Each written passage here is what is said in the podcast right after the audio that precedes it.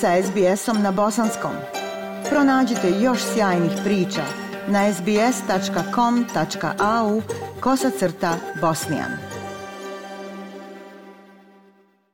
Aisha, pozdravi tebi i slušateljima SBS radija. Bosna i Hercegovina je 25. novembra proslavila 79. godišnicu svoje državnosti i principe utvrđene tog dana u Mrkonjić gradu na prvom zasjedanju ujedno i osnivačkoj sjednici Skupštine Zamaljskog antifašističkog vijeća Narodnog oslobođenja Bosne i Hercegovine. Upravo u Mrkonjić gradu su se ovog 25. novembra okupili antifašistički fašisti iz cijele Bosne i Hercegovine kako bi obilježili dan državnosti.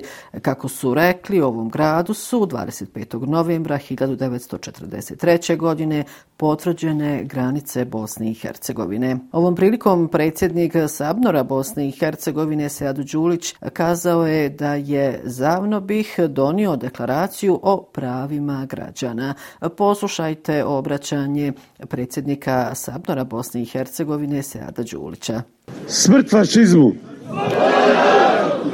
Često zadnjih godina može se čuti iz raznih političkih struktura treba se vratiti izvornom Daytonu. Iskren da budem, ne razumijem o čemu govore, ali znam da se mi trebamo vratiti Zavnobihu. Izvornom Zavnobihu, jer to je izvorište nove, moderne Bosne i Hercegovine.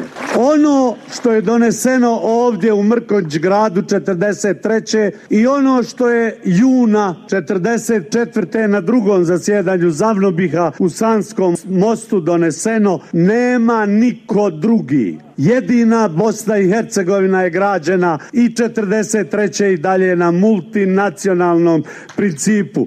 To je naša svetinja i naše sveto pismo. A iša, kao i svake godine, ovaj 25. novembar je obilježen nizom aktivnosti, a delegacije su položile cvijeće u Sarajevu pored vječne vatre, e, nakon čega su odale počas šehidima i poginulim borcima na šehidskom mezaru Kovači i mezaru prvog predsjednika Nezavisne republike Bosne i Hercegovine, ali i Izetbegovića. Nakon toga je položeno cvijeće i na spomen obilježu ubijenoj djeci opkoljenog Sarajeva, a zatim i u spomen parku Vraca. Podizanjem zastave i intoniranjem himne Bosne i Hercegovine na brdu Hum u Sarajevu je izvanično počelo obilježavanje Dana državnosti. Ovoj ceremoniji su prisustovali članovi predsjedništva Bosne i Hercegovine Denis Bečirović i Željko Komšić. Evo šta su ovom prilikom o 25. novembru rekli članovi predsjedništva Denis Bečirović i Željko Komšić.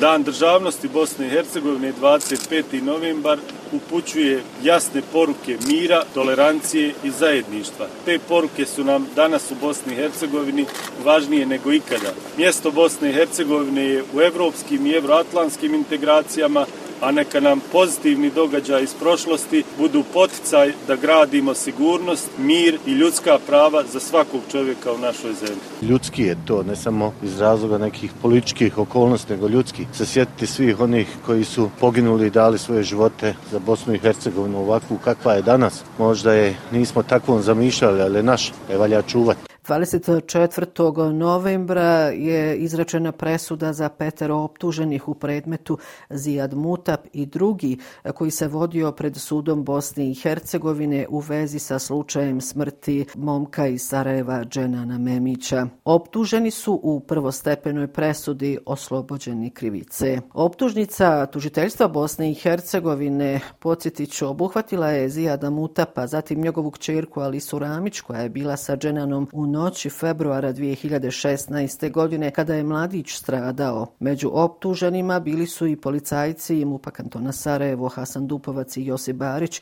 te recepcionir hotela Kristal Muamer Ožegović. Oni su svi bili optuženi da su djelovali kao organizovana kriminalna grupa sa ciljem prikrivanja dokaza o načinu na koji je Dženan Memić zadobio teške tjelesne povrede opasne po život uslijed kojih je i preminuo. Zatim su, kako je navodilo tužiteljstvo, prikrivanjem dokaza i počinitelja, fingiranjem dokaza, prikrivanjem činjenica koje su im poznate, poduzimali radnje sa ciljem prikrivanja stvarnog načina na koji je Memić zadobio teške tjelesne povrede opasne po život. Suđenje je trajalo nešto duže od godinu, a pozvan je veliki broj svjedoka od kojih su mnogi bili zaštićeni svjedoci, a koji su otkrili do sada nepoznate detalje. Porodica Memić već skoro sedam godina tvrdi da je Dženan ubijen i navodi brojne nelogičnosti u ranijim sudskim postupcima i uviđajnim radnjama.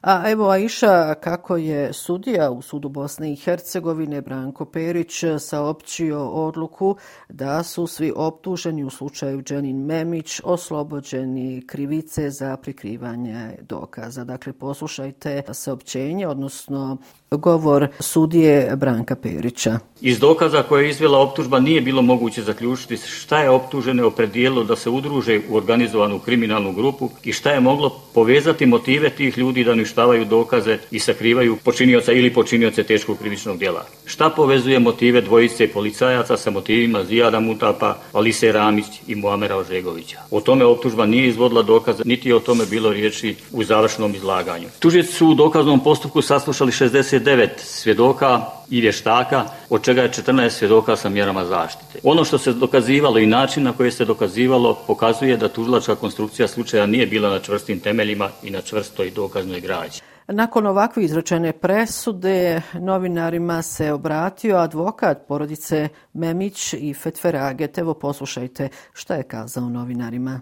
Odgovorno tvrdi, a dokazi to potvrđuju, da je Dženan Memić tu noć ubijen od prilike u 15 do 10. Vrijeme koje je proteklo do izmišljene saobraćajne nesreće je vrijeme koje je iskorišteno za montiranje saobraćajne nesreće. Više puta sam rekao da postoje ubice, da postoje ubice. Od sudije Perića danas nismo čuli ni jedan puta da je pala optužnica kantonalnog tužilaštva. Da je kantonalni sud u dva navrata oslobodio optužene zbog navodne saobraćajne nesreće. Da je vrhovni sud potvrdio da se nije desila saobraćajna nesreća. Da tužioci u ovom predmetu imaju pretežak zadatak, ali ga rade vrlo profesionalno i vrlo predano. I u stvari je glavno pitanje svih pitanja da li ćemo kao društvo nakon ovog slučaja krenuti u nekom boljem pravcu. Aisha, sama porodica Memić napustila je sudnicu nakon obrazloženja presude u slučaju Dženan Memić. Dakle, kada je sudija Branko Perić oslobodio krivice sve optužene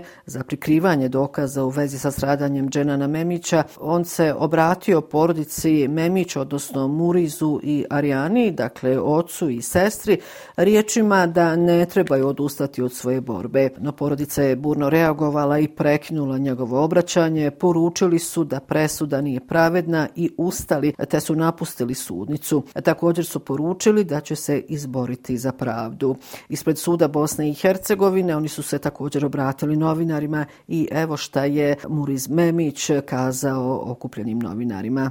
Nisam se razočarao, ovo je u jednu ruku namjerno urađeno tužilaštvu Bosne i Hercegovine. Jer ovi tužioci su život svoj dali da ovo dokažu. Idemo mi dalje, sigurno nećemo stati. Novinarima se obratila i vidno potresena sestra Đanana Memića, Arijana Memić sedam godina crkavamo da dođemo do pravde, dokazi su tu. Ovi ljudi su tu zato što postoje dokazi protiv njih, ali dok je nepravedni sudija i onih korumpiranih i nesposobnih i podobnih, e ovako će nam svima biti. Mi ćemo istrajati u ovome. Porodica Memić, e, Aisha također je kazala da će se i dalje boriti za pravdu i da će organizovati proteste i narednih dana. Radovan Višković je novi stari mandatar za sastav nove vlade Republike Srpske. Mandat za sastav nove vlade dodijelio mu je 23. novembra u Banju Luci predsjednik Republike Srpske Milorad Dodik. Ovom prilikom Radovan Višković je izjavio da je velika čast i odgovornost biti premijer i da je u prethodnom periodu sačuvana ekonomska i politička stabilnost Republike Srpske, što će, kako je rekao, biti prioritet i u buduće. On nije želio govoriti uputio imenima ministara i dodao je da će sa strankama parlamentarne većine održati još jedan sastanak. Inače, predsjednik Republike Srpske Milorad Dodik je ranije izjavio da bi novi saziv vlade Republike Srpske trebao biti izabran u prvoj sedmici decembra. To neka bude za kraj stranke takozvane osmorke naredne sedmice sa Hrvatskom demokratskom zajednicom Bosne i Hercegovine, kako je najavljeno, potpisuju sporazum o formiranju koalicije na svim nivoima. Ovoj koaliciji potom bi se trebao pridružiti SNSD na državnom nivou. Javno je već objavljen sporazum programske koalicije koji predstavlja okvir za buduće djelovanje i definiše ključne ciljeve za koje će se zalagati buduća koalicija. Ono što je definitivno jasno da u ovoj koaliciji nema stranke demokratske akcije, no stranke koje čine novu većinu još nisu izašle sa konkretnim imenima budućih ministara i rukovodilaca na svim nivoima. Ipak o nekim kadrovskim rješenjima se već uveliko špekulira kako pišu ovdašnji mediji, gotovo izvjesno da bi novi premijer Federacije Bosne i Hercegovine mogao biti Nermin Nikšić, lider socijaldemokratske partije. Eto toliko Aisha ovoga puta iz glavnog grada Bosne i Hercegovine. Još jednom vam lijepe pozdrave iz Sarajeva šalje Semra Duranović-Koso. Like, share, comment. Pratite SBS Bosnian na Facebooku.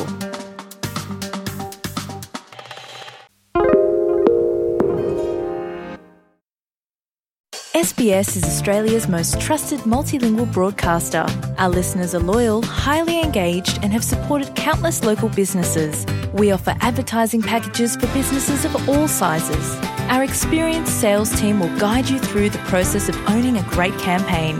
Bring your own ad or have our production team make you something in one of our 68 languages. Start the conversation with your new audience today. Email sales at sbs.com.au.